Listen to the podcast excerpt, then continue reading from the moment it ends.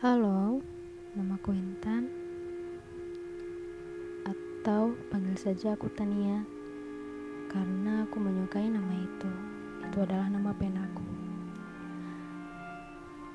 um, Aku sangat menyukai cerita-cerita yang berawal dari keresahan pribadi Baik itu ceritaku ataupun cerita orang lain.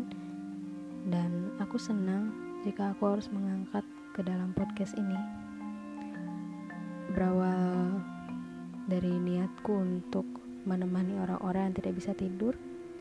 Semoga podcast-podcastku bisa menemani malam-malam kalian dan menjadi cerita pengantar tidur kalian. Terima kasih.